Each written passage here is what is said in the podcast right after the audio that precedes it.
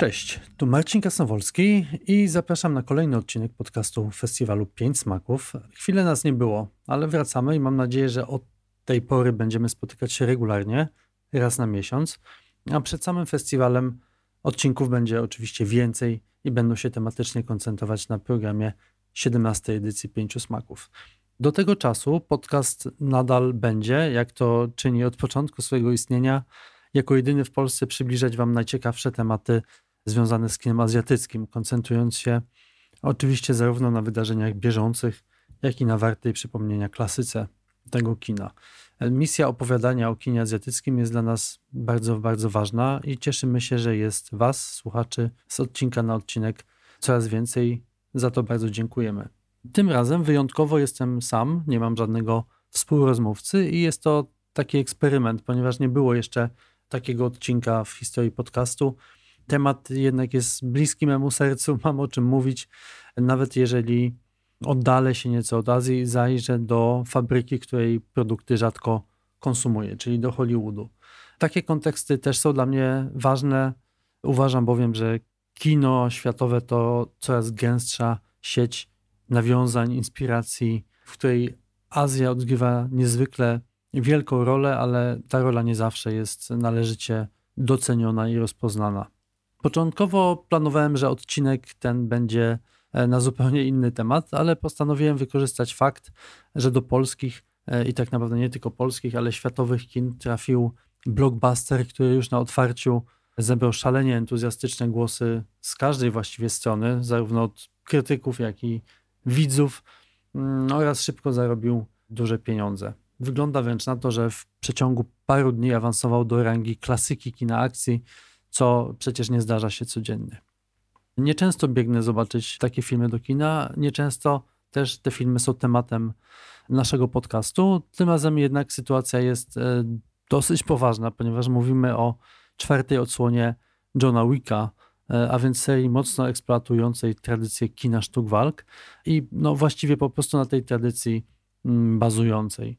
Pobiegłem do kina nie dlatego, że jestem specjalnie dużym fanem serii, ale dlatego, że miałem wszelkie podstawy, aby podejrzewać, że John Wick IV, podobnie zresztą jak e, poprzednie części e, tej serii, zawdzięcza swój sukces spuściźnie kina azjatyckiego. I tak faktycznie jest. Nie rozczarowałem się filmem, ale jednocześnie po raz kolejny miałem refleksję na temat tego, w jaki sposób kino mainstreamowe, dysponujące największymi budżetami, najbardziej zaawansowanymi możliwościami produkcyjnymi oraz najlepszym dotarciem do widzów na wszystkich kontynentach świata, wykorzystuje elementy kina bardziej lokalnego, e, wykorzystuje je do swoich własnych potrzeb, nie zawsze zaznaczając e, te inspiracje.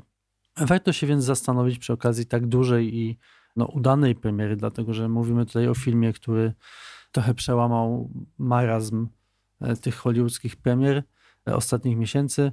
Warto się zastanowić, jak kino popularne, wysokobudżetowe, takie będące codzienną pożywką dla większości widzów, inspiruje się kinem azjatyckim. Czy jest to inspiracja kreatywna, czy raczej może odtwórcza? Czy można ją zaklasyfikować jako hołd, czy e, jako, nie wiem, może kradzież, jeżeli nie jest to za mocne słowo?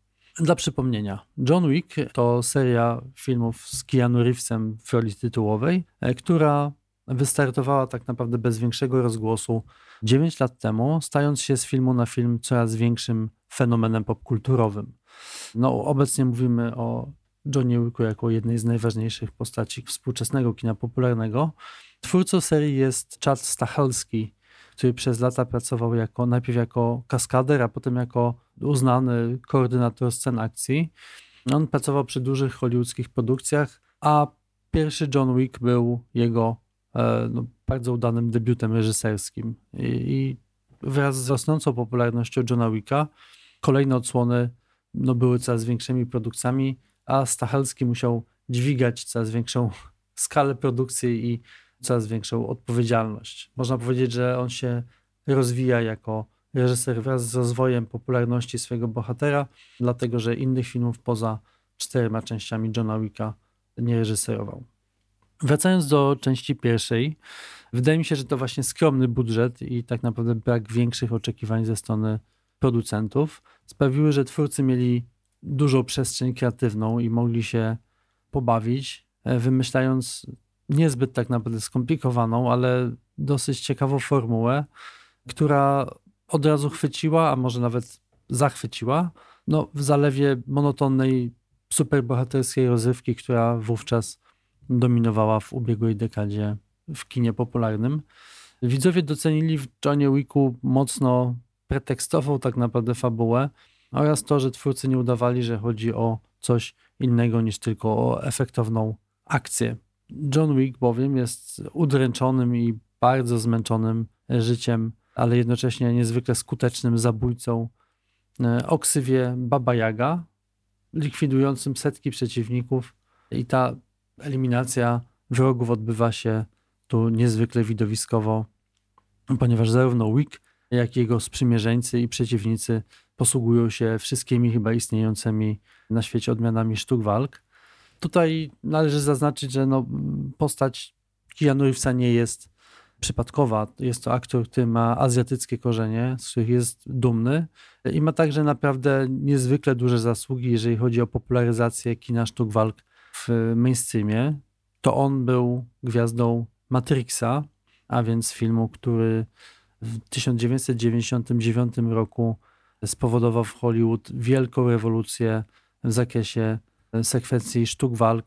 Rewolucja polegała na tym, że twórcy wzmocnili te sekwencje efektami CGI, połączyli tutaj e, tradycję azjatycką, sprowadzili na plan filmu najlepszych choreografów z Hongkongu, no, ale do tych scen dodali właśnie zaawansowane i kosztowne efekty specjalne. Matrix był wówczas niezwykłym powiewem świeżości, był no, nową jakością opowiadania w kinie mainstreamowym i pokazał temu kinu, w którą stronę się rozwijać w XXI wieku. I tak się stało. E, natomiast e, no, miłośnicy filmów azjatyckich mieli, oglądając Matrixa, mieli wrażenie, że gdzieś to wszystko już widzieli, nawet jeżeli w mniej efektownym wydaniu, dlatego że w Matrixie wiele scen było tak naprawdę dosłownie skopiowanych z filmów azjatyckich. Będziemy jeszcze o tym mówić. To, co jest też istotne, jeżeli chodzi o Matrixa, to to, że aby wystąpić e, w takim filmie i podołać fizycznie udziałowi w sekwencjach akcji, Keanu Reeves, także inni aktorzy z tego filmu musieli dosyć intensywnie ćwiczyć sztuki walk pod okiem Yuen Wopinga, czyli takiego jednego z najbardziej znanych i cenionych hongkońskich e, mistrzów choreografii scen akcji. Yuen Woping zresztą postawił ultimatum twórcom i powiedział, że jeżeli nie będzie miał paru miesięcy na pracę z aktorami przed rozpoczęciem zdjęć, to w ogóle się nie podejmie swojej, swojego zadania. I tak się stało, taki czas dostał, co było wówczas e, no, bardzo nietypowe, jeżeli chodzi o kino hollywoodzkie. Matrix to nie wszystko. Keanu Reeves wystąpił także na przykład w filmie 47 Roninów w reżyserii Karla Rincha. Była to hollywoodzka eksploatacja kina samurajskiego i w tym samym roku Reeves debiutancko wyreżyserował no, taką dosyć klasyczną opowieść kung fu Men of Tai Chi. Z dzisiejszego punktu widzenia ciekawe jest to, że film ten był kręcony w Chinach za między innymi chińskie pieniądze. Ale należy pamiętać, że był to rok 2013, a więc był to okres, kiedy amerykański przemysł filmowy zacieśniał współpracę z Pekinem, mając nadzieję na dostęp do tej niezwykle licznej chińskiej publiczności. Dzisiaj oczywiście z tej współpracy już niewiele zostało. Chiny i Stany Zjednoczone poszły w swoje dwie przeciwne strony. Debiut Reevesa nie spotkał się też z entuzjastycznym przyjęciem ani w Stanach Zjednoczonych, ani w Azji, ale na planie tego filmu spotkał on właśnie Stachelskiego, który wówczas był odpowiedzialny za choreografię walk. Już rok później do kin trafił pierwszy John Wick. To, co jest widoczne, kiedy oglądamy kolejne e, części Johna Wicka, to to, że no, film rośnie wraz z rosnącą popularnością, to znaczy każda kolejna część jest droższa, wystawniejsza i no też większy budżet zdecydowanie poprawia możliwości inscenizacyjne. Czwarta część kosztowała już ponad 100 milionów dolarów i można śmiało chyba powiedzieć, że jest, nawet jeżeli dosyć nietypowym, to blockbusterem. I to, co rzuca się w oczy, to to, że akcja przenosi, bo no, rzuca bohaterów po trzech kontynentach. Zaczyna się w Jordanie, potem odwiedzamy Nowy Jork, Osakę, Berlin, aż lądujemy w Paryżu, gdzie film znajduje swoje bardzo efektowne i prawie godzinne zwieńczenie, dlatego że cały film trwa prawie trzy godziny. Te sekwencje paryskie, o których bardzo dużo się mówi, trwają właśnie prawie godzinę.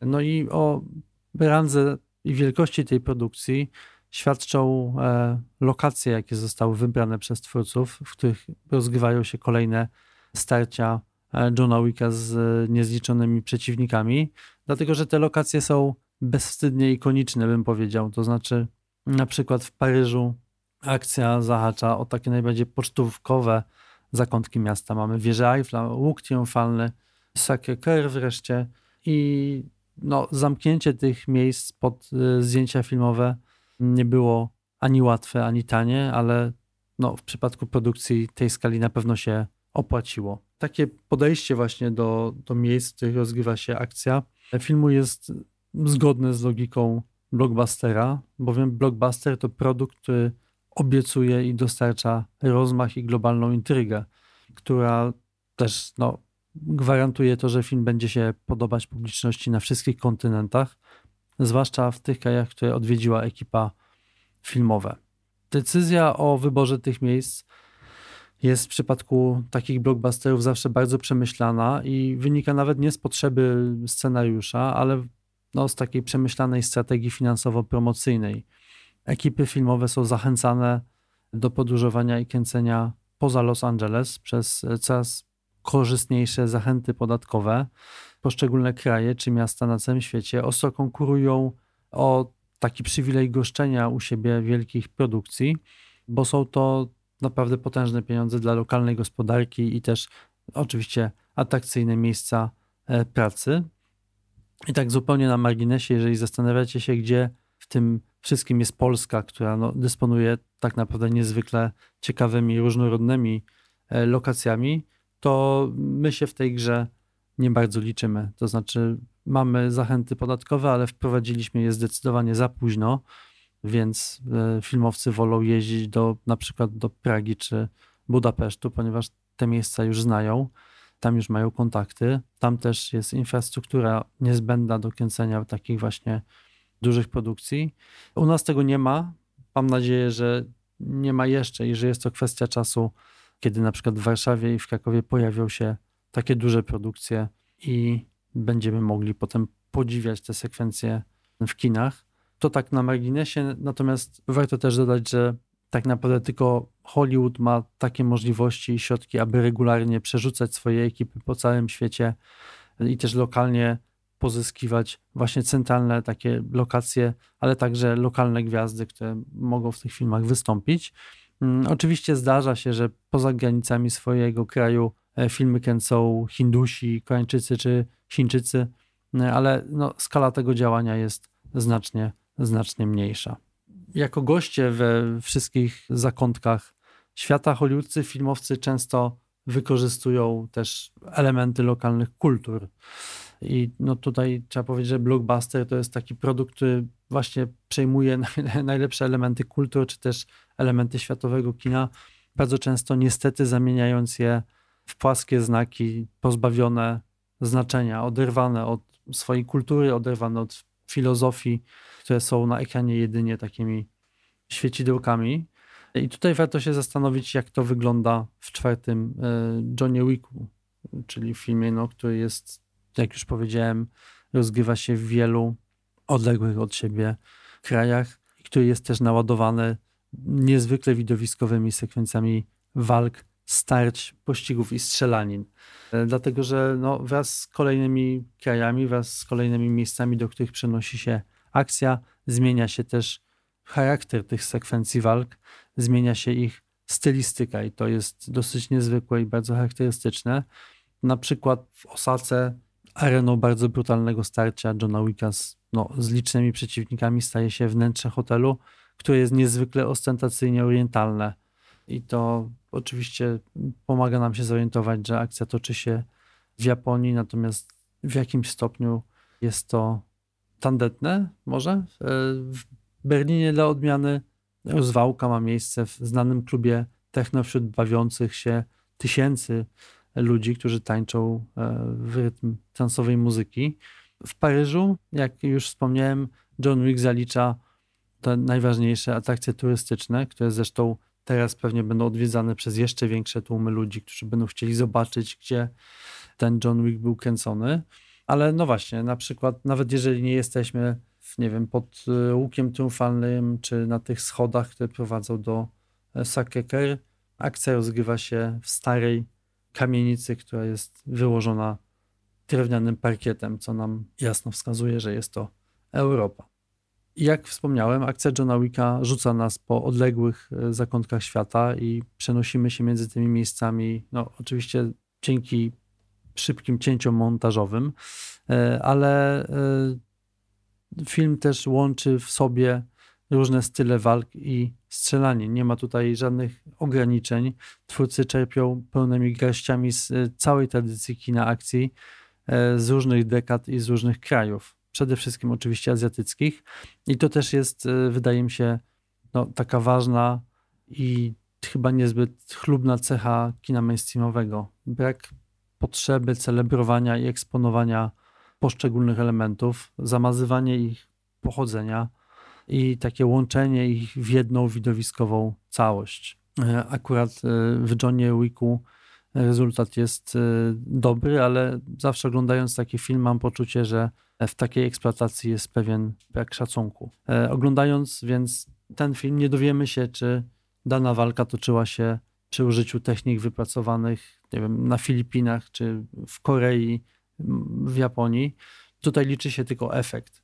A no, jeżeli przyjrzymy się lokalnym kinematografiom, to one działają inaczej. W hongkońskich filmach sztuk walk bohaterowie od dekad w zasadzie posługują się kung fu, a w Indonezji czy w Malezji na potrzebę kina akcji zaadoptowany został e, no, lokalny, lokalna sztuka walki, czyli Silat. I e, lokalni filmowcy z dumą prezentują w filmach te, te właśnie swoje sztuki walk, dlatego że są one dla nich ważną częścią ich kultur. Na przykład przed indonezyjską dylogią Raid e, mało kto słyszał o Pekan Silacie, a teraz ta technika jest już w miarę rozpoznana i kojarzy się z Indonezją. W Johnie Wicku też ta sztuka walki została wykorzystana, natomiast no, trzeba pewnego oka, żeby zauważyć właśnie, które elementy pochodzą z tego kraju. Twórcy przyjęli naprawdę eklektyczną strategię i łączą, kombinują ze sobą przeróżne sztuki walk. I trzeba przyznać, że no, ten efekt tutaj jest e, naprawdę dobry. Te sekwencje są piękne, efektowne, e, pomysłowe, są też monumentalne e, dzięki wielkim pieniądzom, jakie zostały włożone w produkcję. Ale no właśnie, tutaj dochodzimy do sedna. Ten film jest do pewnego stopnia eksploatacją czegoś, co zostało stworzone i było doskonalone przez dekady w obrębie kinematografii azjatyckich. Warto chyba tutaj przywołać historię, przynajmniej trochę historii kina akcji.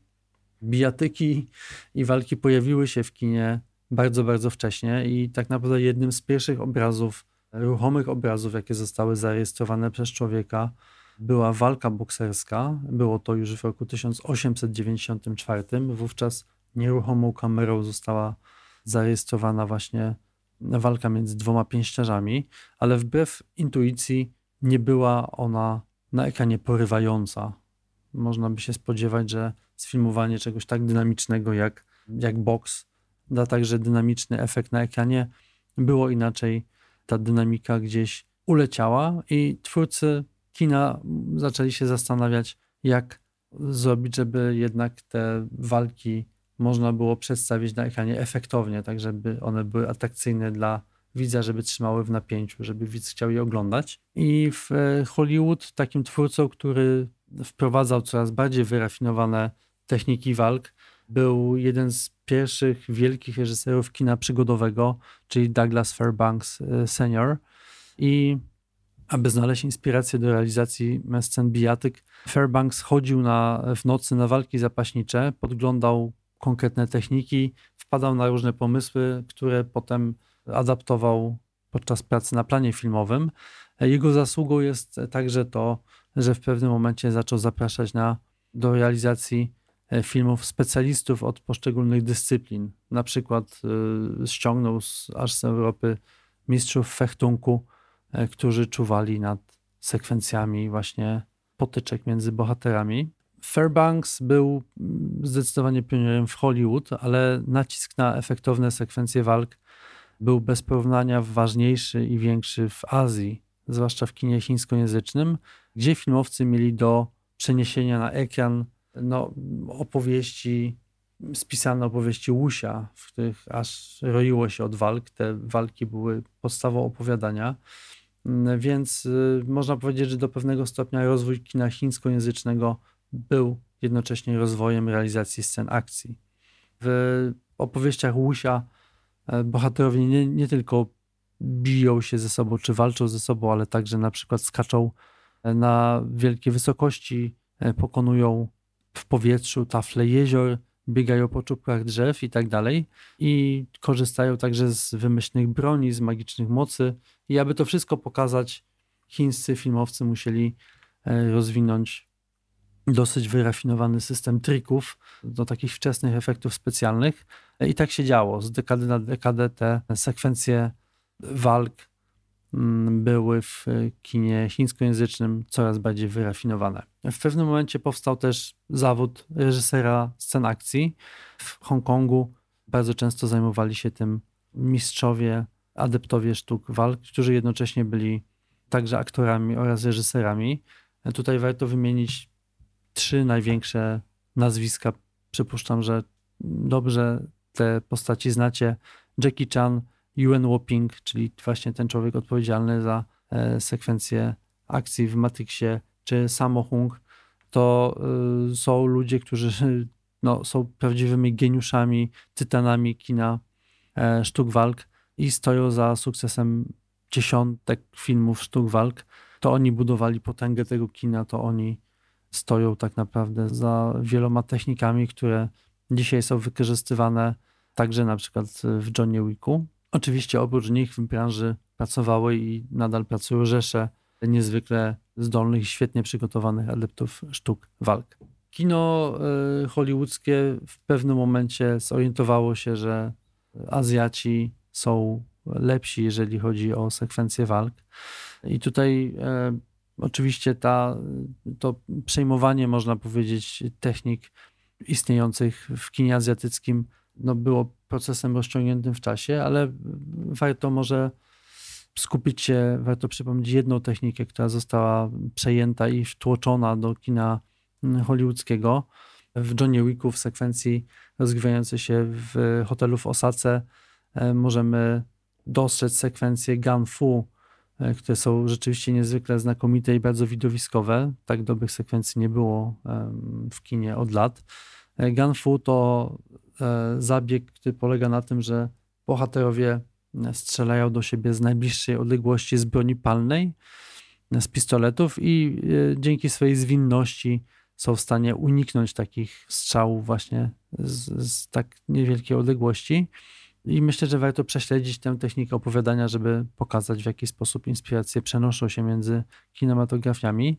Gunfu, czy inaczej e, Bullet Ballet, to rozwiązanie, które po raz pierwszy zastosował mistrz kina akcji z Hongkongu John Woo w roku 1986 w filmie Lepsze Jutro. Pokazywaliśmy ten film, a także no, in, inne najlepsze filmy Johna Woo parę lat temu na Pięciu Smakach być może część z Was pamięta, to właśnie John Woo wraz ze swoim producentem, a jednocześnie legendarnym innowatorem kina popularnego, Choi Hokiem, szukał wówczas sposobu na zerwanie z tradycją kina sztuk walk e, i panowie chcieli pokazać akcję w nowy, taki uwspółcześniony sposób i wpadli na pomysł realizacji właśnie współczesnych gangsterskich strzelanin na modłę kręcenia e, sekwencji sztuk walk w filmach o przeszłości.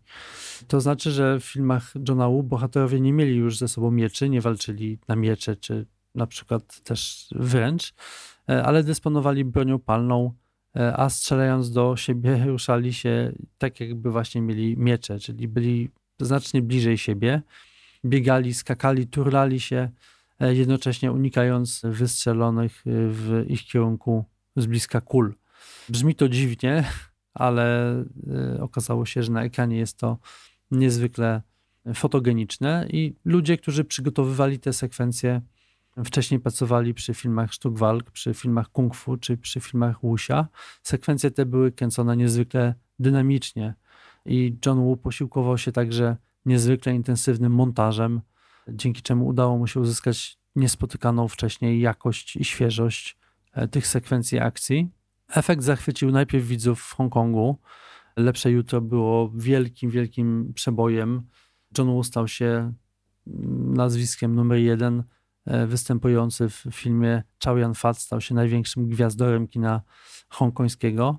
A te filmy były tak dobre i tak świeże, że trafiły do miłośników kina akcji na całym świecie. Także w Polsce były dystrybuowane w latach 80. i 90. E, na kasetach wideo, dlatego że gwarantowały naprawdę dużo dobrej rozrywki, która wówczas była bezkonkurencyjna. Ale no właśnie, bardzo szybko filmowcy w Hollywoodzie zorientowali się, że warto z Hongkongu e, czerpać, warto się uczyć od tej małej kinematografii, która wówczas akurat e, no, bardzo szybko rosła. I zaczęto ściągać do Los Angeles, do Hollywood tych techników i twórców kina hongkońskiego, co na początku lat 90. było dosyć łatwe, ponieważ zbliżało się nieuchronnie przekazanie Hongkongu Chinom, więc wielu artystów chciało wyjechać do Stanów i no, Gunfu zostało zadoptowane przez Hollywood.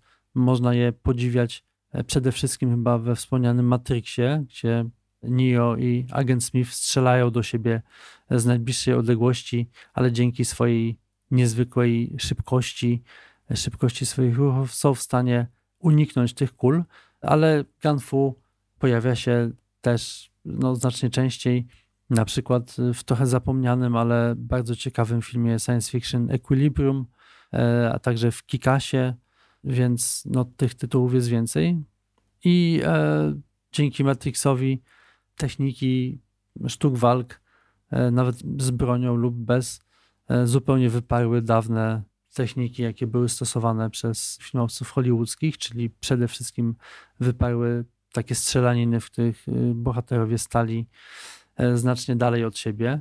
Korzyścią zastosowania e, sztuk walk było też to, że e, aktorzy grający w filmach akcji mogli być znacznie wątlejsi, jeżeli chodzi o posturę, dzięki czemu bohaterami tego kina stał się właśnie na przykład Keanu Reeves czy Matt Damon, a także aktorki, które mogły stanąć do walki jak równe z, równymi z aktorami, którzy byli znacznie od nich więksi i silniejsi fizycznie. Sztuki walk wyrównały gdzieś te szanse, dlatego że liczyła się w nich technika. I e, jeżeli mówimy o aktorach, no to tutaj wróćmy do Johna Wicka.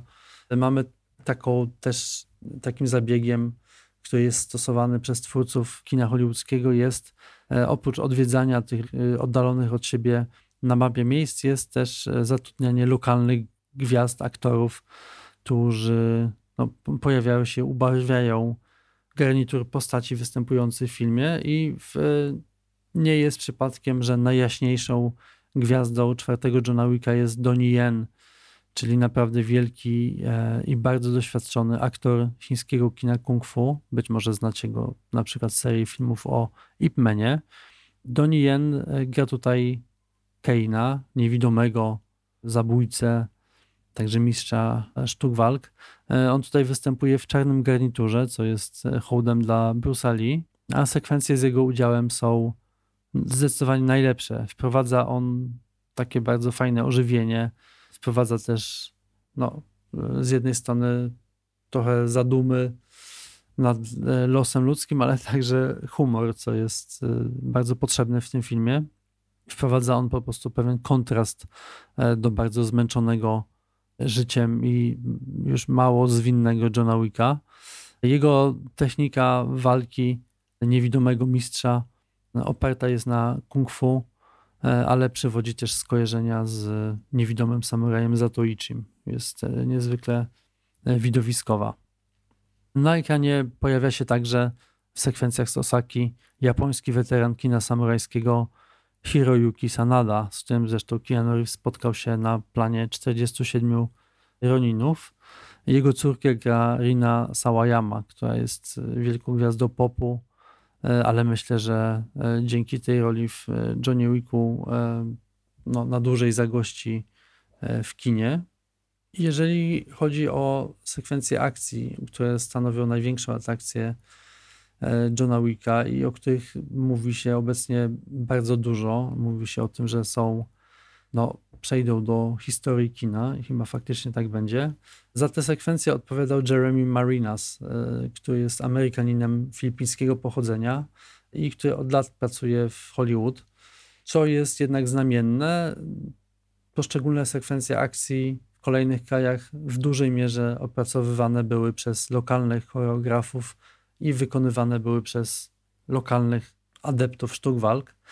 W Japonii oczywiście nie było to problemem, ponieważ dobrych choreografów i też aktorów specjalizujących się w scenach walk jest tam wielu, ale warto przyjrzeć się temu, kto zajmował się tym w Paryżu i jakie miał do tego tak naprawdę kwalifikacje.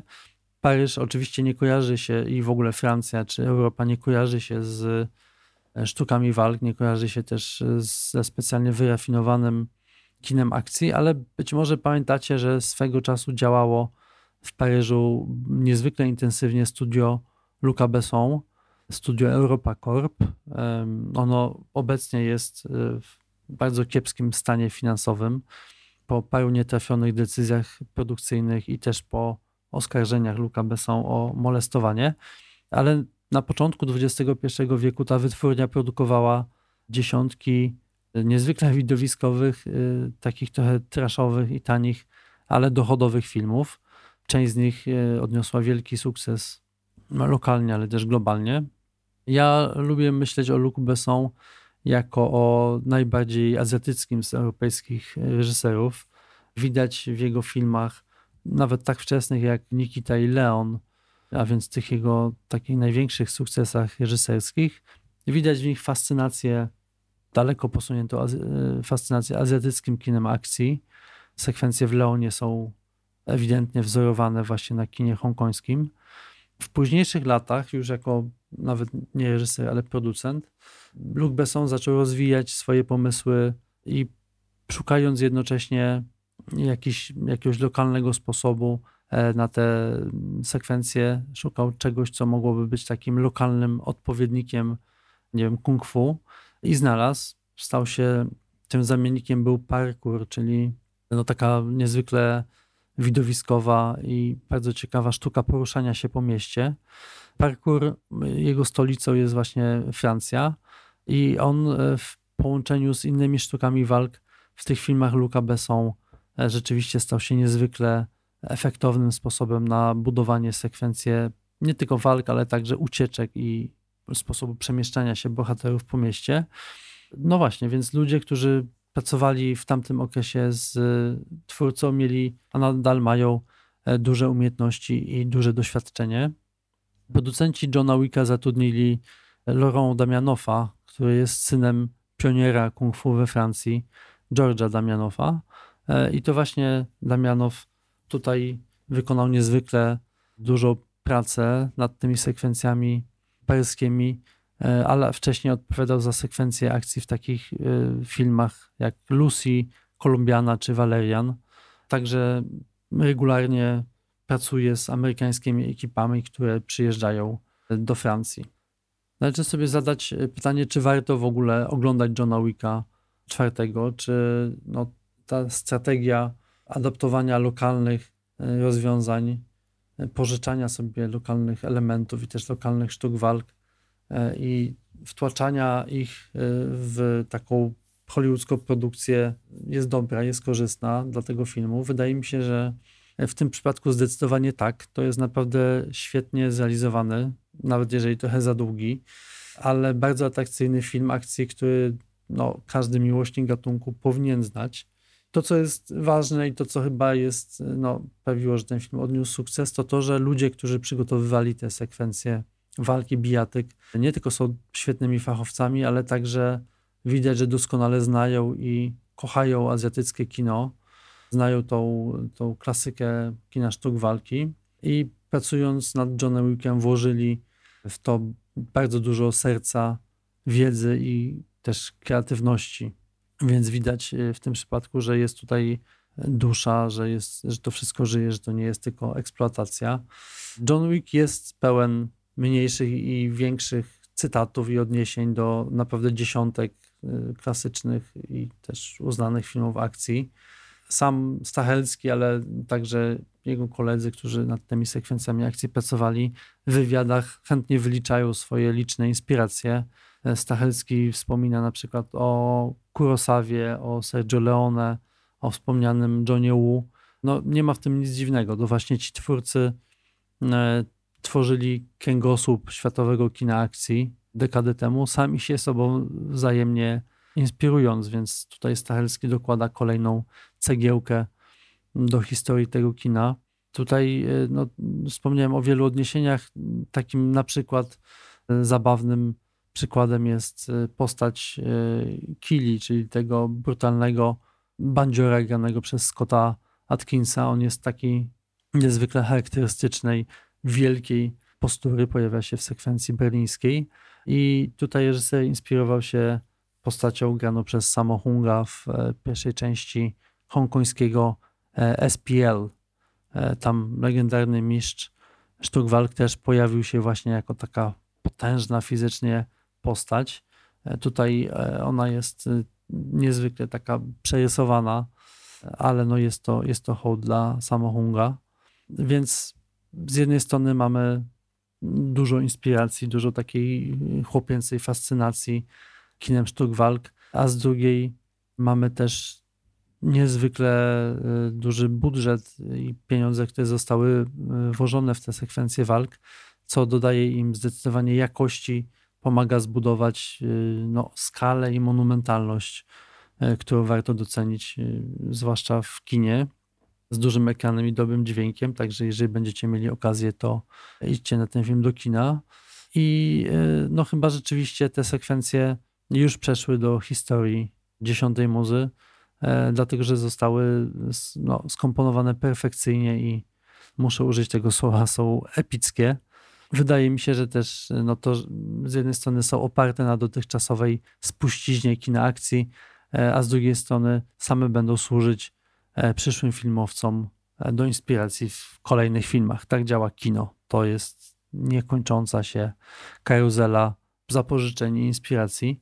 Jednocześnie chciałbym zaznaczyć, że ja osobiście, nawet będąc pod dużym wrażeniem Johna Wicka i doceniając ten film, doceniając kunszt twórców i piękno tych sekwencji, bo one są po prostu piękne. Osobiście zawsze będę wolał i wybierał filmy sztuk walk e, z Azji, czyli z krajów, gdzie te sztuki walk e, powstały.